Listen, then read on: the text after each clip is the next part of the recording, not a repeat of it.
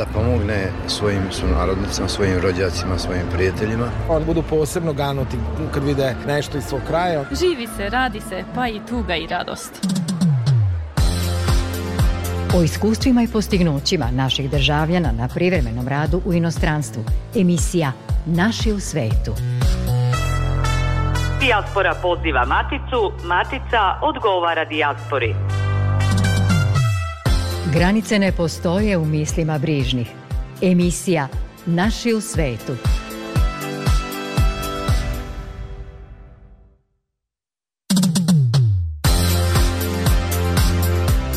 Dobroveče, poštovani slušaoci. Sa vama smo u narednih pola sata sa sledećim pričama iz Matice i rasejanja.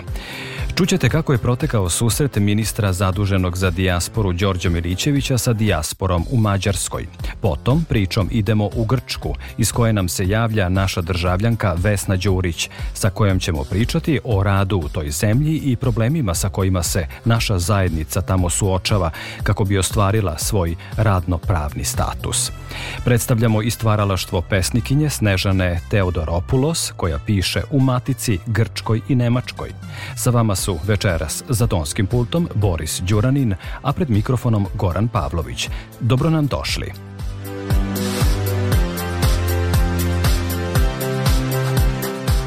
Republička izborna komisija donela je odluku o određivanju vremena početka i završetka glasanja na biračkim mestima u inostranstvu, pa će glasanje u Kanadi, Portugaliji, Sjedinjenim američkim državama i Ujedinjenom kraljevstvu biti obavljeno 16. decembra od 7 do 20 časova, dok će se na ostalim biračkim mestima održati dan kasnije, kao i u Srbiji. Glasanje će biti organizovano u 35 država. Zbog razlike u vremenskim zonama odlučeno je da se u četiri države glasanje obavi dan ranije nego u Srbiji, dok će na svim ostalim biračkim mestima, kojih je ukupno 81, glasanje biti obavljeno 17. decembra od 7 do 20 časova. Rezultati glasanja na biračkim mestima u inostranstvu ne smeju se javno saopštavati pre završetka glasanja u Srbiji. Za glasanje u inostranstvu prijavilo se 40.000 naših državljana.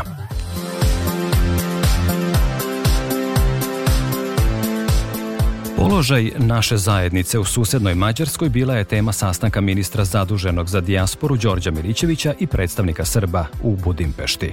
O temi sastanka izveštava Dijana Đurić. U ambasadi Srbije u Budimpešti održan konsultativni razgovor ministra Milićevića i njegovog stručnog tima sa predstavnicima srpske dijaspore i eparhije Budimske sa ciljem izrade buduće nove strategije o dijaspori i Srbima u regionu vlade Srbije. Govori ministar Milićević.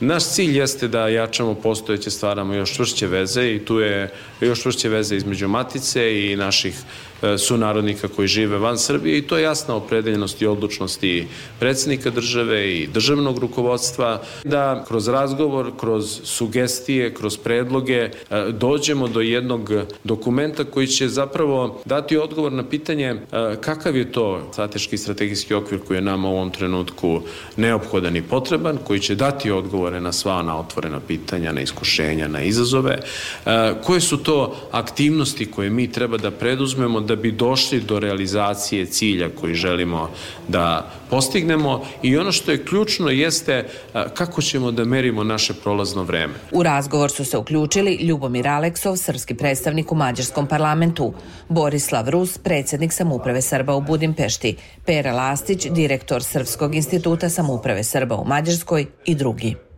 Aktualna strategija koja je usvojena 2011. godine nije zaživela. Međutim, na velikom vidovdanskom skupu koji je održan ove godine u Beogradu u organizaciji kabineta ministra bez portfelja zaduženog za koordinaciju aktivnosti i mera u oblasti odnosa Republike Srbije s dijasporom, pokrenuta je inicijativa za izradu nove strategije u odnosima Matice i Srba u rasejanju. 12 godina prošlo dakle od usvajanja aktuelne strategije. Za tih 12 godina mnogo toga se promenilo i postavlja se pitanje, znate, da li ona e po svom modalitetu i sadržinski u ovom trenutku može da odgovori na ta otvorena pitanja, na izazove i na iskušenja sa kojima se naši Srbi e, koji žive van Srbije u ovom trenutku suočavaju. Ovaj proces podrazumeva ministrov niz sastanaka u narednih mesec dana širom dijaspore. Putanja koja povezuje postoji. Treba je samo utabati. Emisija Naši u svetu. Veliki broj naših državljana živi i radi u Grčkoj, za koju rado ističemo da je prijateljska zemlja. Koliko je ona zaista utočište za radostan i spokojan život može da nam kaže neko ko tamo zaista i živi. Ako je u toj zemlji duže vreme, svakako da se može pretpostaviti da je visok stepen zadovoljstva životom u toj mediteranskoj zemlji.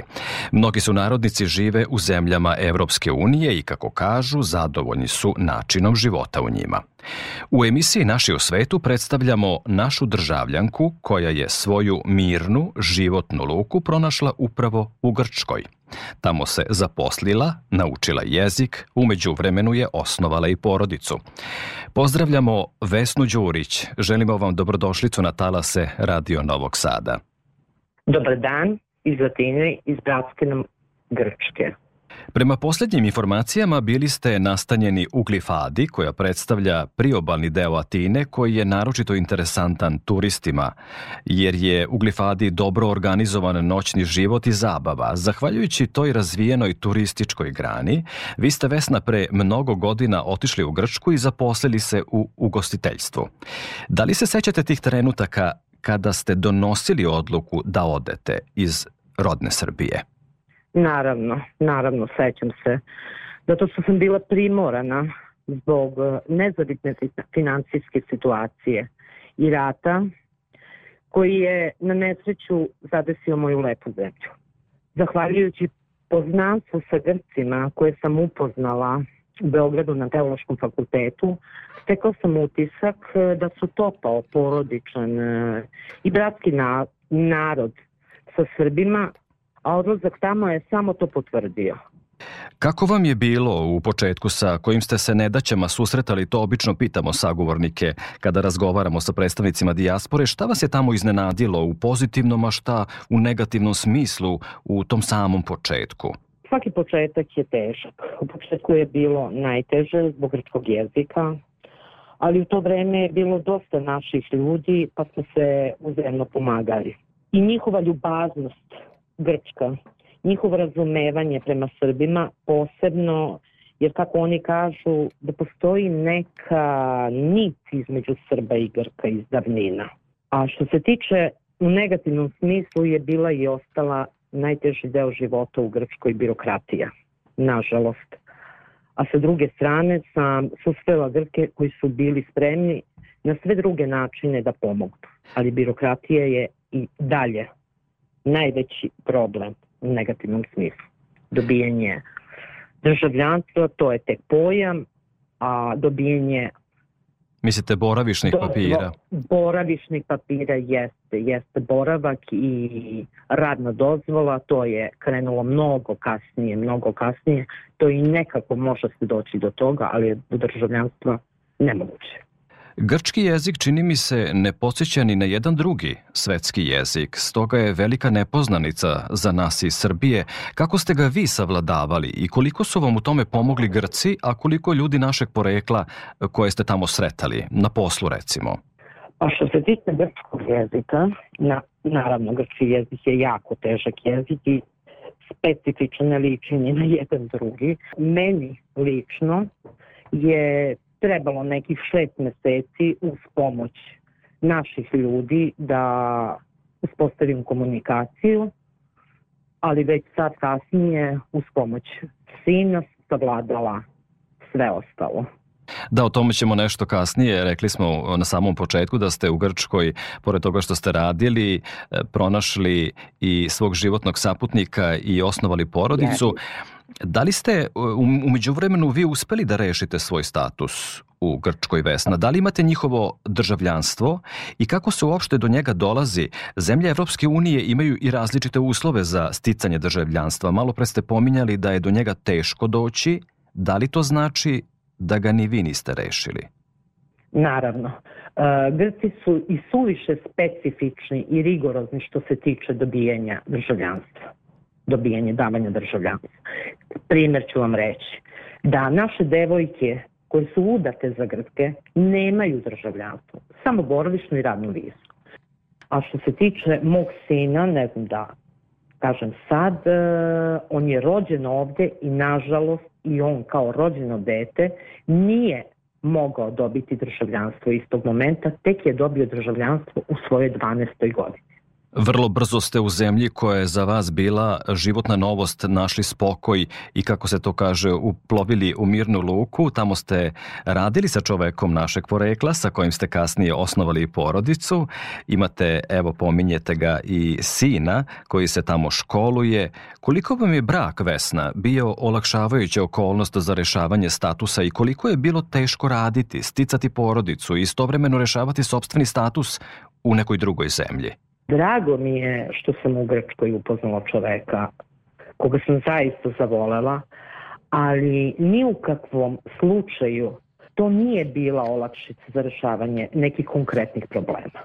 Hoćete ne, da kažete ne. da je to bila otežavajuća okolnost? Naravno, naravno, naravno. Za Grčku kažemo da je idealna destinacija za letnji odmor. Mnogi naši ljudi odlaze tamo na godišnji odmor, kako se oni ponašaju kao turisti, da li ste to uočili?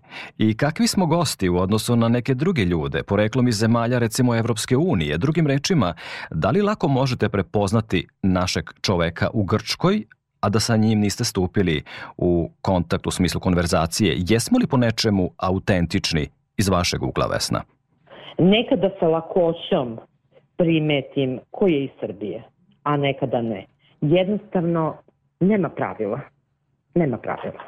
Znamo da naši ljudi koji rade mahom u ugostiteljstvu u Grčkoj imaju malo vremena za odmor na obali jer se uglavnom radi u sve tri smene. No, šta vam znače standard i klima u toj zemlji? Ima mnogo sunčanih dana. Može li to da vam popravi raspoloženje i kada ste umorni od napornog rada? Da, naravno. Uh, prihvatila sam rutinu Grka i volim zaista da odem na plažu u kasnim popodnevnim časovima i ponesem svoj suncobran, svoju stolicu i veliku neskafu i uživam.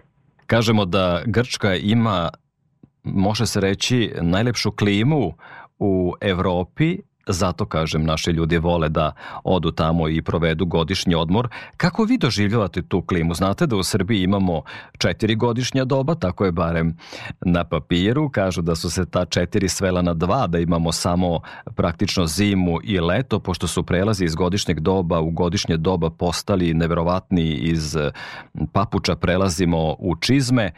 Kako vi doživljavate klimu u Grčkoj u odnosu na Srbiju? Je li vam ona olakšavajuća okolnost da nekako spokojnije živite i radite? Naravno, naravno. Klima mnogo znači, tako da smo mi ovde u stvari ja konkretno 30 godina, ja ne znam za zimu, niti ima bilo kod nas u kući zimsku garderobu, znači čizme i ostale stvari, kapute. Što se tiče ovde sve vreme Znači i u zimskom periodu temperatura ne pada ispod 10 stepeni.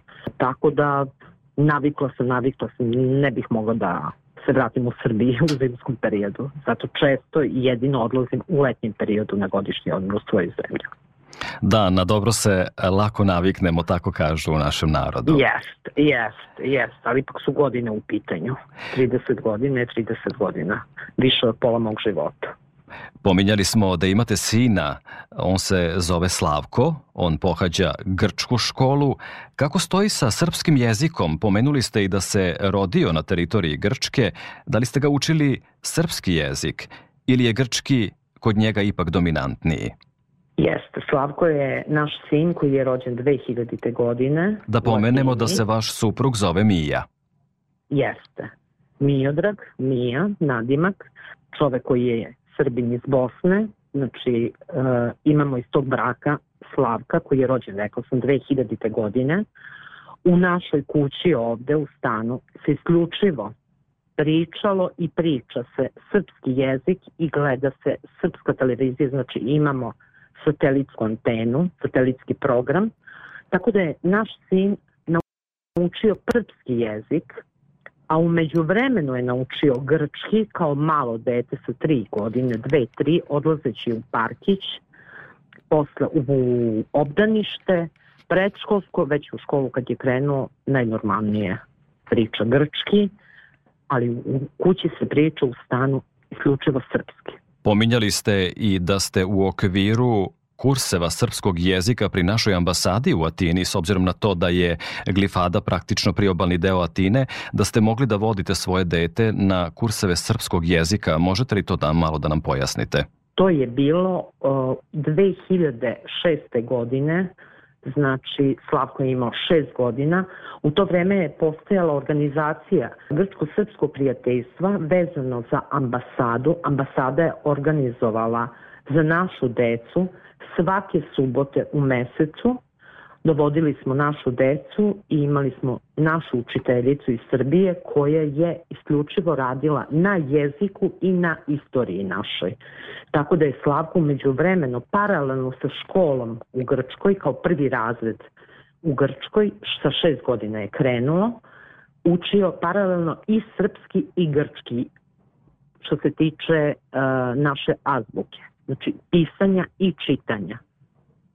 Da li Slavko, kada već pričamo o njemu, dakle vaš sin voli da razgovara o Srbiji, da li ima naviku da dolazi u Srbiju? Pitam vas to zato što kažu da se mlađe generacije kada se rode prosto na nekom novom prostoru i u nekoj novoj sredini vrlo se lako prilagode i asimiluju u tom inostranstvu. Kakva je situacija sa vašim detetom, ako ne pitam previše i ako to nije suviše lično pitanje? Ne, naravno, nije ništa suvišno pitanje. Slavko je dete koje je naviklo da dolazimo, da odlazimo odavde za Srbiju i iz Srbije naši da dolaze ovde na odmor, tako da Slavko željno očekuje ovaj, svoje najmilije što se tiče porodice, babe, dede, ujaka i svojih uh, braća i sestara, uh, željno očekuje svaki odlazak i svaki njihov dolazak ovde. Poštovani slušalci, kako se živi na relaciji Srbija-Grčka, slušat ćete i u nastavku emisije Naši u svetu, posle kraće pauze.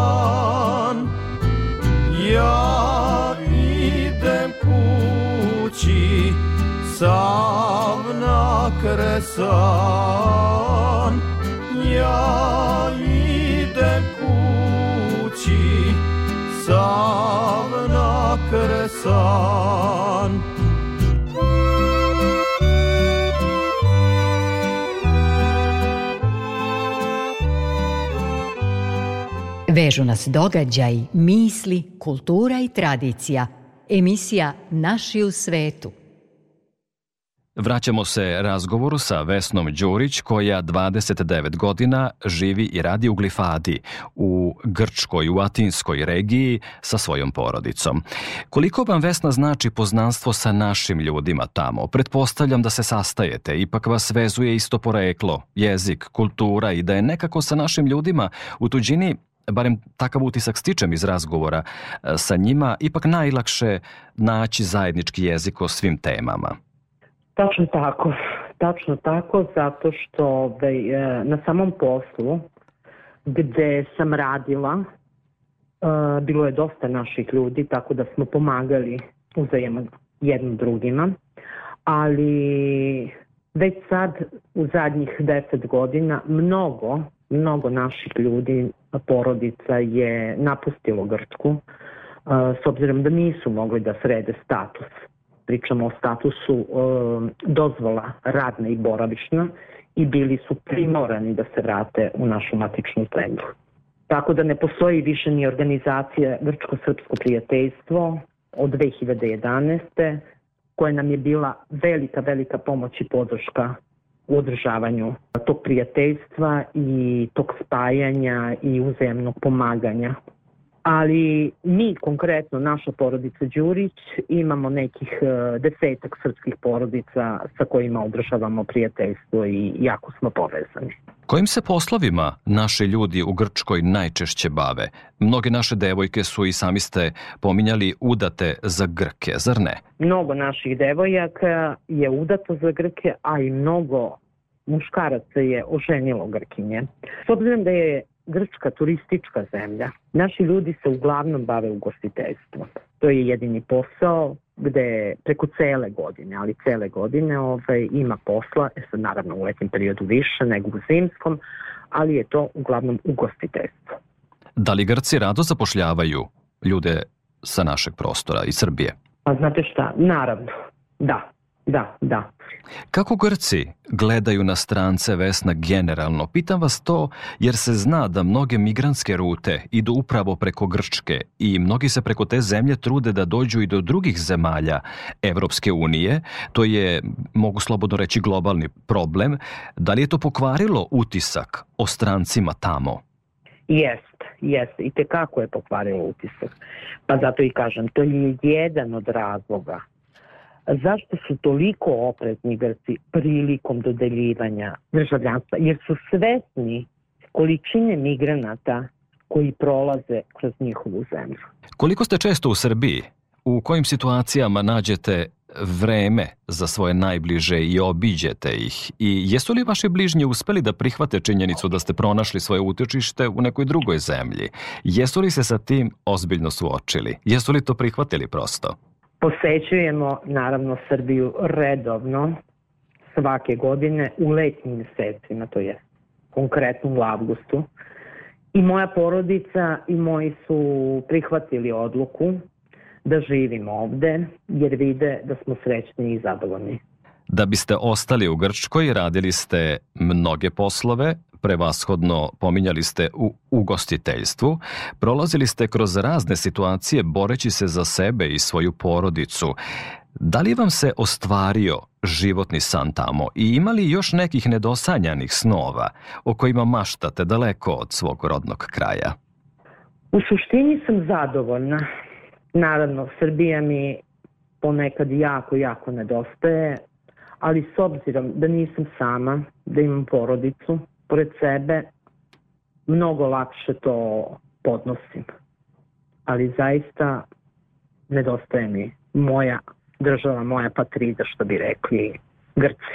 Kako bi rekli Grci u situaciji kada su ljuti, da li kažu nešto u stilu denime kala? E, da, baš tako, denime kala, nisam dobro, denjoto kala, ne osjećam se dobro. Koje izraze još često koriste u Grčkoj? Možda nas slušaju i neki ljudi sa tog prostora koji govore oba jezika, dakle i grčki i srpski, pa će im ovo biti zanimljivo. Koje uzračice e, Grci često koriste prilikom konverzacije kad, u razgovoru? Kad, kad, kad? Prilikom razgovora, uopšte, generalno. Kalitera avrio, parasimera, bolje sutra nego danas, kala kala, dobro dobro. Ti kanete, šta bi to značilo? Ti kanete šta radite?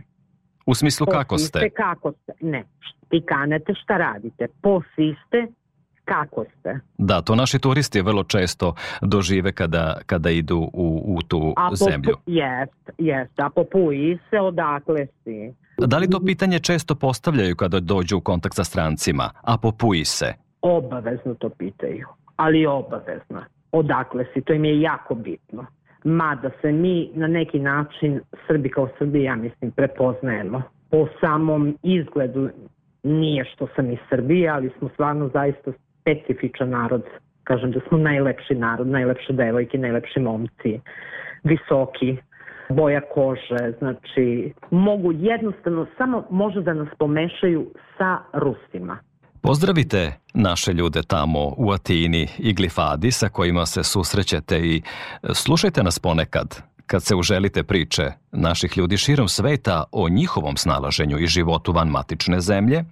Emisija Naši u svetu, Radio Novog Sada, za sve slušaoce i u Matici i u Dijaspori pripremate priče i narednog petka od 19.5 možete nas pratiti preko interneta na sajtu rtv.rs pa RNS 1 program uživo ili čak odloženo, kasnije u opciji odloženo slušanje. Vama Vesna i vašoj porodici želim svako dobro uz zahvalnost što ste svoju životnu priču podelili sa našim slušaocima i što smo naučili nešto novo o Grčkoj. Hvala i vama. Budite mi pozdravljeni i naravno slušat ćemo vašu radio emisiju. Χαιρετισμού από την Ελλάδα. Φιλάκια πολλά. Ja sa... U prevodu to bi značilo? A, doviđenja prijatno, lafi lakja, to je znači puno poljubaca. Heretizmus, pozdrava. Evharistopoli. Nastekala, da ste mi dobro, prijatno. Sa nama je, poštovani slušalci, bila Vesna Đurić, koja je 29 godina na radu u Grčkoj, u Glifadi. Srcem i dušom mekšamo setu jedni drugima. Emisija Naši u svetu. Poštovani slušalci, i narednom pričom bit ćemo na neki način u Grčkoj, gde je sledeća sagovornica stvarala pesme Veći deo života. Snežana Teodoropoulos bi tokom sledeće nedelje trebalo da dobije zlatnu značku kulturno-prosvetne zajednice za doprinos širenju kulture. Živi, dakle, u Grčkoj, Nemačkoj i u Srbiji. Kako kaže, u tri države i četiri grada. Sa njom razgovara Ružica Zorkić, urednica emisije Večeras zajedno Radio Beograda 1. Večeras nam je gošća Snežana Teodoropoulos, pesnikinja. Dobro veče i dobro nam došli. Dobro veče. Iz kog od svoja četiri grada nam dolazite? Uh, pa to je uh, jako komplikovano pitanje jer ja uvek počinjem sa frazom, a to u stvari nije fraza nego istina, da e, dolazim iz četiri grada, iz tri države, dve sigurno, jedna nesigurno, a izbrisana iz dve države i dva grada još. Tako da to je pitanje, sad trenutno dolazim iz uh, Kuršumlije, grada iz, u kom sam odrasla, živim u Beogradu, a uh, kada ne dolazim iz Kuršumlije iz Beograda, onda dolazim iz Solingena. To je, to je Nemačka. Nemačka, da. a grčko prezime. Grčko prezime, da, suprug je Grk i tu je u pitanju ostravo Kefalonija, jedan izgubljeni raj, da tako kažem, prelepo ostravo i uh, to je ta četvrta država ili, ili četvrti grad, u, treća država i četvrti grad u, u kojem se inače nalazim kada imam vremena. Pre nego što pređemo na razgovor o vašoj poeziji, e, živali ste i živite u četiri grada, kako ste rekli. E, naša dijaspora u Nemačkoj, u Grčkoj ima svojih osobenosti. E, da li ste uočili neke razlike i neke sličnosti među našim ljudima koji žive na severu, u surovom kapitalizmu i na jugu, u Grčkoj koja je negde ipak sličnija nama? Ima razlike zaista ima razlike zato što uh, živeti u Nemačkoj, to je za mene uh, bukvalno ja sam na čekanju. Šta znači na čekanju? Kad ostavite dušu i srce u, u, u, svom, u svom gradu, svojoj državi, sve se svodi na to da se vi susrećete i čekate kad ćete u stvari susresti sami sebe tamo gde želite da budete a ne znače vam ništa ni, ni, ni široki bulevari, ni, ni e, raskošni svetla, ni, dis, ni disciplina, ni red. Ja ipak najviše volim onaj ušuškani haos moje zemlje u meni, u mojoj duši, e, više nego, nego e, e sve e, van ove zemlje, ali kad bih mogla da biram, recimo, Grčku jako volim zato što je slična nama. Tu nalazite tu toplinu posebno za nas Srbe. Ja se tu osjećam jedino kod kuće i jedino jedino prihvaćena kao čovek. E, u drugim državama mogu reći da je to sve u granicama, da kažem, ljudskosti, ali da te topline nemam ni među njima međusobno, a kamoli prema nama koji se zna e, e, koje ime imamo i, i na koji način nas ipak tretiraju. A kakav je odnos naše dijaspore prema kulturi? Vi organizujete i posećujete pesničke večeri u svim zemljama u kojima boravite. Kakav je odnos? Koliko su zainteresovani za poeziju? Koliko vole da čuju poeziju? Koliko je govore? Pa ja sam iznenađena, zaista, ne samo van zemlje, već i u zemlji isto. Iako sam mislila da je poezija nekako zapostavljena, nije. E, e, ljudi uvek vole da čuju ono što im dodirne dušu i srce. Ako e, nađete tu nit i način na koji možete da ih dodirnete, onda vidite koliko su to osjećajna bića i koliko im u stvari treba ljubavi. Jer poezija i jeste u stvari ljubav. To je ono, to je eksplozija osjećaja koju imate u sebi. I, i e, na, e, ta eksplozija osjećaja u stvari to je i bekstvo. Znači poezija je u stvari bekstvo tih osjećaja i vi kroz reči, stihove e, te emocije prenosite na papir i koji prenosite dalje. I ako uspete da dodirnete ljudsku dušu, onda, onda vidite da u stvari je svejedno da li je to to proza, poezija. Bitno je samo kako, kako dodirnuti te ljude. Ja sam nedavno na promociji u mom gradu uh, uh, koja je bila predivna na, na otvorenom u, na trgu gde je bilo par stotina ljudi zaista je bilo, bilo dirljivo doživela da jedan mladić Eh, eto koji ima dvadesetak i nešto godina kaže da sam mu ja omiljena pesnikinja. Čuti to je nešto sasvim posebno kad mislite da mladi ljudi to, to ne slušaju, ali imam jako puno žena i jako puno mladih ljudi i u inostranstvu i u zemlji koji vole poeziju i mogu reći da, da sam zadovoljna zaista. Verujem da je nepopularno i među pesnicima tražiti omiljenu svoju pesmu. Ali bih vas zamolila za kraj da nam kažete stihove pesme koju vi odaberete? Pa znate šta, e, ja imam jedan problem. Meni su sve pesme omiljene. to, zato ja kažem vam, da je to da, teško pitanje. Ja ću vam pročitati jednu koju sam ja e, zapostavila. Ja uvijek čitam iste pesme, zato što se nekako nalazim i mislim da su to najlepše. U stvari svaka je za mene lepa i svaka je posebna. E, izabrala sam jednu koju, e, eto, neobično nekako, smatram nekako neobičnom i za moju dušu jednostavno i zove se Lako bi te bilo voleti. Lako bi te bilo voleti, ja ogrnuta tišinom, ćutim. Dok se jesen uvlači u moju dušu, umirućim bojama leta, postajem napušteno nebo odlazećih ptica. Kroz rešetkasta polja života dišem slobodu, pravo na život, pravo na ja, malim slovom, ja. Lako bi te bilo voleti, ja ogrnuta samoćom ćutim. Dok se u moju dušu uvlači miris vlažne zemlje, nebo je rešetkasto, tri polja gore, tri polja dole, uspravno, vodoravno, posmatram nebo kroz rešetke života. Ko je tu smestio ono ja, malim slovom, ja? Lako bi te bilo voleti, dok odlaziš i dolaziš sa pesmom moga bola, ogrnuti šinom i tamom, dok bojim nebo svim bojama koje volim, boju za bojom, nijansu po nijansu, bojim ga životom dok ubijam tišinu onih ogrnutih samoćom, tišinu koja vrišti. Ja u rešetkastim poljama tražim ono ja, malim slovom ja. Hvala vam. Hvala vama Snežana i hvala što ste bili gost emisije Večeras zajedno. Hvala puno. Naša gošća večeras bila je Snežana Teodoropoulos, pesnikinja iz Srbije, Nemačke i Grčke. Granice ne postoje u mislima brižnih. Emisija Naši u svetu.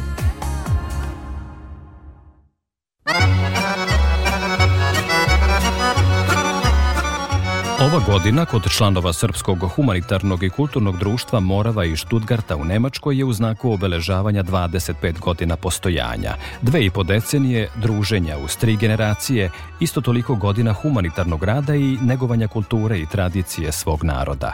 Društvo Morava i Štutgarta obeležava i 25 godina, kako kažu, odlične saradnje sa nemačkim institucijama. A Kulturno-umetničko društvo Sloga iz Vićence je 25. novembra kroz sadržajan koncert narodnih igara obeležilo jubilej 20 godina postojanja. Uručene su zahvalnice i plakete pojedincima i društvima zaslužnim za uspešan rad Kuda Sloga.